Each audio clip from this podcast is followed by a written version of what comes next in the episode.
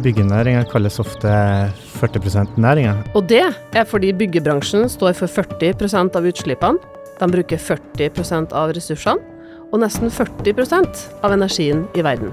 På samme måte som vi begynner å bli flinkere til å ikke kaste mat, eh, så må vi bli flinkere til å ikke kaste bygg. Hvis byggebransjen greier å kutte utslipp og gjenbruke mer, vil det virkelig monne. Vi er nødt til å bruke ressursene lenger eh, for sitt primære formål. Og gjennom det så er det mulig å ta ut mye mindre ressurser fra naturen. Hva er egentlig en sirkulær økonomi? Og hvordan skal klimaverstingen byggebransjen komme seg dit? Det er mange løsninger som kan hjelpe oss et, et stykke på veien.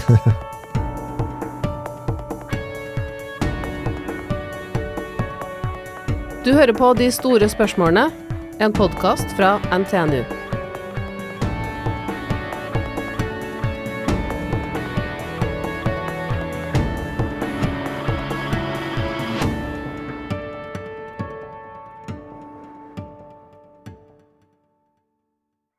Hvis vi ser rundt oss, så har vi jo eh, bygninger overalt. Eh, Vi tilbringer kanskje 80-90% av tida i bygg. Tommy Kleiven er professor ved Fakultet for arkitektur og design ved NTNU, og ekspert på bærekraftig arkitektur. Og så har vi hatt eh, billig og for så vidt også miljøvennlig strøm i Norge pga. vannkraften, så fokuset på å få ned energibruk har ikke vært så stort. eh, La oss si fra eh, 60-, 70-, og 80-, 90-tallet og utover til, til enøk, altså energiøkonomisering, kom, eh, kom sterkere inn. Og så begynte man å fokusere på energibruken til drift. Og så fikk man det ned veldig mye. Og så begynte man etter hvert å, å se at det egentlig er CO2-utslippene som er, er viktig. Og da må man jo fokusere på materialbruken. For du kan jo si at du kan bruke mye isolasjon i en vegg, og så går fyringsutgiftene ned. Men da går jo òg materialbruken opp. Og med tanke på klimaendringene som vi står overfor, og forpliktelsene i Parisavtalen, så er det egentlig CO2-utslippet vi er interessert i. Og da finnes det et eh, knekkpunkt egentlig der, der mengden materialbruk veies opp mot eh, energiforbruket i, i drift, for å få et eh, lavest mulig CO2-utslipp. Og 40 av eh, den landbaserte bruken av energi og utslipp av CO2 eh, står byggebransjen for. Så det betyr at det er en bransje med stort potensial for å, å, å forbedre seg. Det vil ha stor effekt.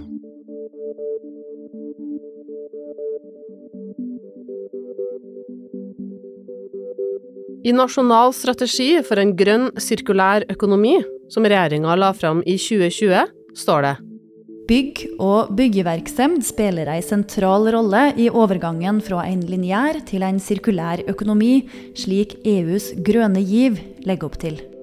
Men hva er en sirkulær økonomi? Så for å forklare hva sirkulær økonomi er, så er det egentlig greit å begynne med hva, hva det ikke er. Det her er Heidi Rapp-Nilsen, førsteamanuensis ved NTNU og ekspert på bærekraftig økonomi. Før vi fikk dette begrepet sirkulærøkonomi, så opererte vi veldig mye ut ifra en lineær forståelse, en sånn rettlinja forståelse for, i økonomien. At vi hadde, mm, ja, ja kort sagt, at ressursene når vi var ferdig med å bruke ting, så, ble, så har det i veldig stor grad blitt kasta. Og så kom vi til et punkt med en ekstrem økning i konsum og forbruk av eh, jordas ressurser, der vi innså at eh, dette, dette går ikke lenger, så vi er nødt til å bruke ressursene lenger eh, for sitt primære formål. Og gjennom det så, så er det mulig å ta ut mye mindre ressurser fra naturen. Så det er både eh, altså hele den lineære, rette linja, eh, så er det både startpunktet og sluttpunktet som er veldig viktig, at de to endene må møtes. Eh, 'Closing the loop' heter jo EUs plan for eh, sirkulær økonomi, eh, og det må gjøres fra begge ender. En viktig del av en sirkulær økonomi er gjenbruk. Men det hjelper ikke med gjenbruk hvis ikke det fører til at det totale forbruket går ned? Og det har det vært litt lite fokus på.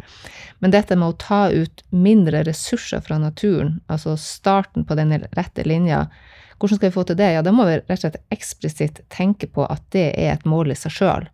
Fordi at eh, vi kan resirkulere og gjenbruke eh, alt, men, men hvis vi ikke samtidig setter et tak et eller annet sted på det totale forbruket, at forbruket fortsetter å vokse, så kan vi risikere å fortsette å ta ut like mye naturressurser og gjenbruke og resirkulere.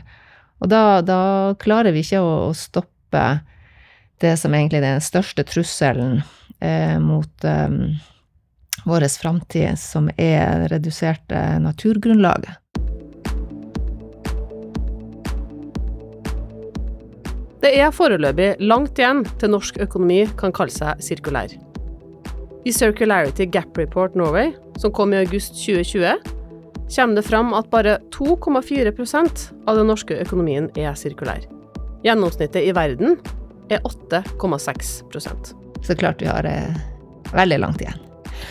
Og 100% er ikke, er ikke realistisk, ikke sant? Eh, så alle forbedringer er, er bra. Alle ja, små steg eh, hjelper. Men Samtidig så må vi gjøre noen store strukturelle grep snart, hvis, skal, hvis, hvis dette skal uh, gå bra, rett og slett. Tilbake til verstingen byggebransjen. Mye av utslippene herfra kommer fra stål og betong. Betongen er som kjent et materiale som har stort fotavtrykk pga. sementen som inngår i, i betongen. Betong er jo sement blanda med vann, sand og, og, stein. Og produksjon av sement er veldig energikrevende, og har også CO2 som, som eh, en av eh, sluttproduktene i den kjemiske prosessen med karbonatiseringa. Eh, så hvis betongen da var et land, så var det ifølge The Guardian da det tredje mest forurensende landet etter India og USA. Og det som vi kan gjøre, da, er å bruke mindre stål og bruke mindre sement. Sier Edgar Hørtvich, professor ved NTNU, og rangert som en av de 100 viktigste klimaforskerne i verden. Og det kan vi jo gjøre enten at vi bygger mindre, eller at vi bygger med andre materialer, eller at vi bygger på en materialsparende måte, slik at vi bruker mindre materialer for å bygge det samme type bygg. Edgar leder arbeidet med ressurseffektivitet og klima i FNs ressurspanel. Og vi har sett på det. Og det fins faktisk uh, mange muligheter, mange løsninger som kan hjelpe oss et, et stykke på veien. Og hvilke løsninger er det? Nei, det første er jo at vi bygger mye som kanskje ikke trengs. Uh, og det er egentlig der vi kommer fram til de største utslippsreduksjonene. fordi hvis vi bygger mindre st store bygg, så har vi også redusert energibehov. Og, og, vi har mindre plass til å fylle disse husene med ting.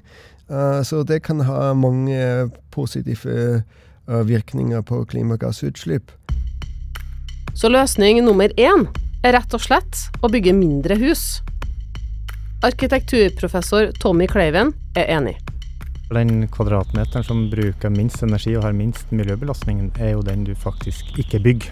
Så hvis du greier å bo smart f.eks., eller designe smart, sånn at du kan greie det med mindre arealbruk, enten det er et kontorbygg som er aktivitetsbasert f.eks., der du ikke har ditt faste cellekontor som står og venter på det uansett om du er der den dagen eller ikke, så er jo det et stort potensial. og i en uh, boligblokk f.eks. så er det jo en mulighet at man har, istedenfor at alle har et gjesterom, så har man en uh, liten fløy med gjesterom som man kan uh, leie eller bruke når behovet er der. Løsning nummer to gjenbruk av byggematerialer. Um, det jobbes mye med å gjenbruke elementer fra gamle bygg, eller gjenbruke materialer uh, resirkulere materialer fra bygg. Kanskje i framtida vil man ha en, eh, et byggevarefirma der du kan gå inn og finne en gammel dør, uh, f.eks. Så har du et, et hus fra 20-tallet, så kan du finne tidsriktige, kanskje dører. Men å gjenbruke bygningselementer kan også være litt vanskelig, mener Edgar Hurtwitsch.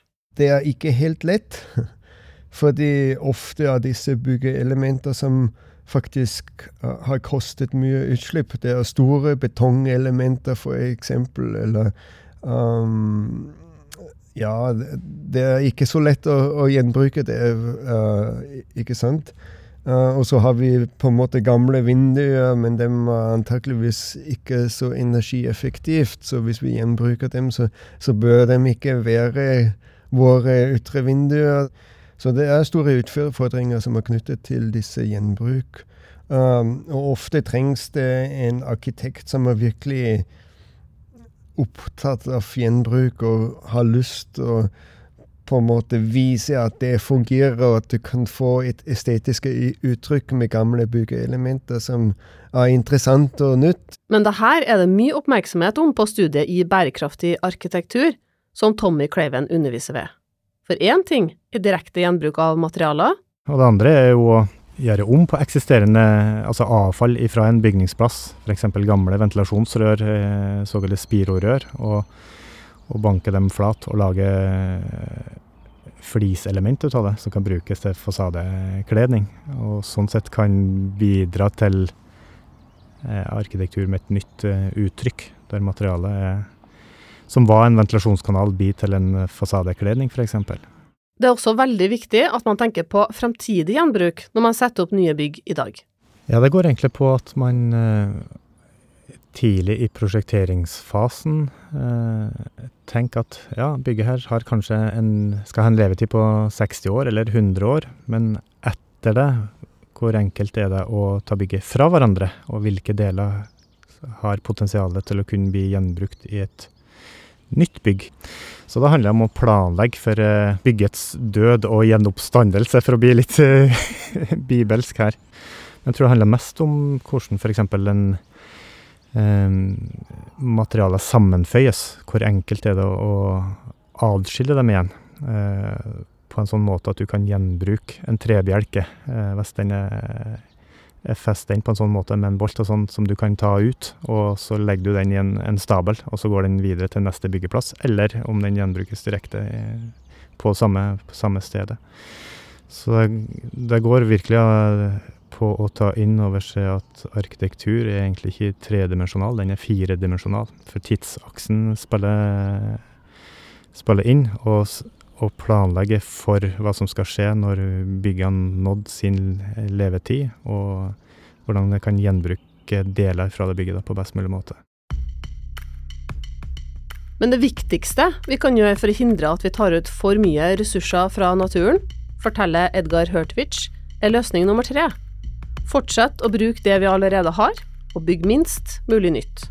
Uansett når du bygger en ny struktur, så er det utslipp knyttet til at du bygger den strukturen. Om du bygger det fra, fra gamle elementer eller nye elementer. Så, um, så hvis du kan unngå det, så er det en fordel. Vi ser det i, blant de oppgavene som våre studenter gjør, så går det mer og mer på å gjenbruke og transformere bygninger. Så på samme måte som vi begynner å bli flinkere til å ikke kaste mat, eh, så må vi bli flinkere til å ikke kaste bygg. Simensbygget her i, i, i Trondheim, um, som ble drevet her, der handla det, så vidt jeg forsto, en del om etasjehøyder og brukbarheten der for et nytt, moderne kontorbygg. Eh, så kanskje skulle man ha brukt mer tid på å sett på OK, bygget her har noen begrensninger, men, men hvilke muligheter har man for å eh, minimere eller omgå de begrensningene? Eh, F.eks. Eh, ventilasjonsstrategien der. Kunne man ha gjort noe annet enn å brukt eh, klassiske ventilasjonsrør oppunder taket som tar mm, la oss si 70 cm av, takhøyden, kunne man ha brukt andre strategier, som at man fikk nyttiggjort seg hele den takhøyden for, eh, for brukerne som skulle være i, i bygget. Uh, det finnes det muligheter til å, til å, gjøre. Så kanskje må man være enda mer kreativ og bruke uh, god tid i mulighetsstudiefasen, i tidlig prosjekteringsfase, for å avdekke potensialet og muligheter til å omgå begrensninger som ligger i, i det eksisterende. For en stor del av utslippene i en byggeprosess skjer fram til råbygget er satt opp. Så at man unngår å starte med en stor byggegrop, Man kan starte med en eh, gammel betongkonstruksjon f.eks. fra 60-tallet, så unngår man et stort startavtrykk for det, for det bygget. Og man eh, kan komme i, i null raskere med f.eks. solceller og, eh, som tiltak. da. Og det her med å bruke det man har, og gjenbruke eller ombruke ting, er jo noe vi egentlig kan, og som var en selvfølge for bare en generasjon eller to siden, sier Heidi Rapp Nilsen. Søsken arva eh, de yngste arver fra de eldre. Reparerte og sydde om, og når klærne var for slitt og bli reparert, så ble de brukt f.eks. til filleriet. Eller vaskefille. Man kjøpte jo aldri en klut, man brukte jo de, det man hadde av materialer. Så vi har hatt det eh, for ikke så lenge siden Eh, at man eh, kjøpte ting for at det skulle vare eh, et liv, rett og slett. Enten et, et barneliv eller et voksenliv. Sofaen man flytta hjemmefra eller gifta seg, varte det voksenlivet. Og gikk kanskje i arv. Men Heidi er opptatt av at vi ikke må romantisere fortida. Tidlige tiders uh, sirkulærøkonomi var jo veldig mye drevet av nøysomhet og dårlig råd. Man, man, måtte bruke det man hadde. Så var, så det ikke det at man nødvendigvis hadde noe sånn, mer sånn edelt forhold til ressurser. Og på den måten var han også veldig mye mer bevisst. Men jeg tror nok samtidig at man, man levde jo nærmere naturen, i hvert fall flere. og og hadde en, en forståelse av sammenhenger i, i, naturen, da. Man, man høsta mer sjøl, og, så at det får en konsekvens for jorda når du tar ut så og så mye, og det må fylle på med gjødsel og vann og, og sånne ting. Og nettopp å se de her sammenhengene, og ikke minst å samarbeide på tvers av sektorer, er avgjørende for at samfunnet skal nå målet om en sirkulær økonomi, sier Heidi. Vi har jo et eh, velregulert konkurransesamfunn som har gitt oss lave priser og, og masse goder med det, og løfta masse mennesker ut av eh, fattigdom. Eh, men samtidig så har vi også konkurrert bort mye av dialogen og samarbeidet mellom de ulike leddene, uh, og også samarbeid mellom aktører som holder på med det samme. Så det er jo eksplisitt tatt inn som, som, noe som vi må få tilbake i en sirkulær økonomi. At eh, aktører må eh, prate sammen, sånn at eh, den eh, mobiltelefonen må faktisk allerede på planleggingsstadiet ta høyde for de neste leddene. Skal kunne repareres, eller skal produseres for å vare lengst mulig. Og du skal kunne plukke fra hverandre mest mulig av delene og gjenbruke inn til ny, nye telefoner. Men å endre gamle vaner har vi ikke så lett for, sier Edgar Hurtovich. Det er veldig vanskelig å, å slutte med de, de gamle løsningene som tilsynelatende har fungert, men samtidig har forårsaket de problemer som vi står overfor. Likevel er arkitekturprofessor Tommy Kleven optimist. Han mener bransjen er på vei mot en mer bærekraftig og sirkulær framtid. Det har vært fokus på energibruk lenge. Nå er fokuset enda mer holistisk og, er på miljø, altså CO2. Eh, bygninger energimerkes og miljømerkes. Og det, er strenge krav, og jeg tror brukere forventer det i, i større og større grad. Det er også en del av la oss si, et budskap eller en image til en bedrift. Eh, at, eh, at, det er et miljøvennlig bygg man er i. Så når f.eks. Sintef eh, utvider i, i, Oslo, så gjenbruker de jo den eksisterende bygningsmassen. Også fordi at det har en miljøeffekt, men har også en etisk og moralsk effekt og omdømme. Så jeg, jeg tror at uh, bransjen drives i en sånn retning av uh, forskrifter og regler som eh, pusher i en sånn retning, og også av uh, bevisste utbyggere og, og leietagere som vil leie i et miljøvennlig bygg.